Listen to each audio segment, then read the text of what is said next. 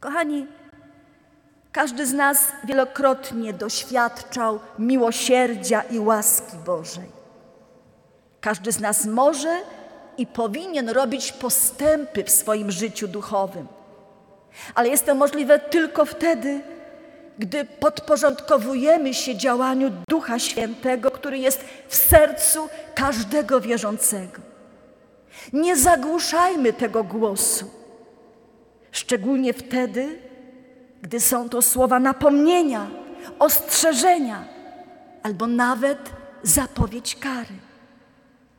Bądźmy wdzięczni Bogu za słowa pociechy, za obietnice i chciejmy posłusznie iść drogą, którą On nam wyznacza.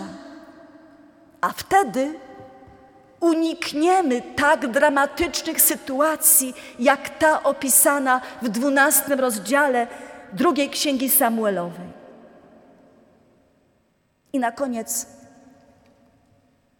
nie myślmy, że jesteśmy mądrzejsi lub lepsi od Dawida. Każdy z nas musi uważać, żeby nie upaść.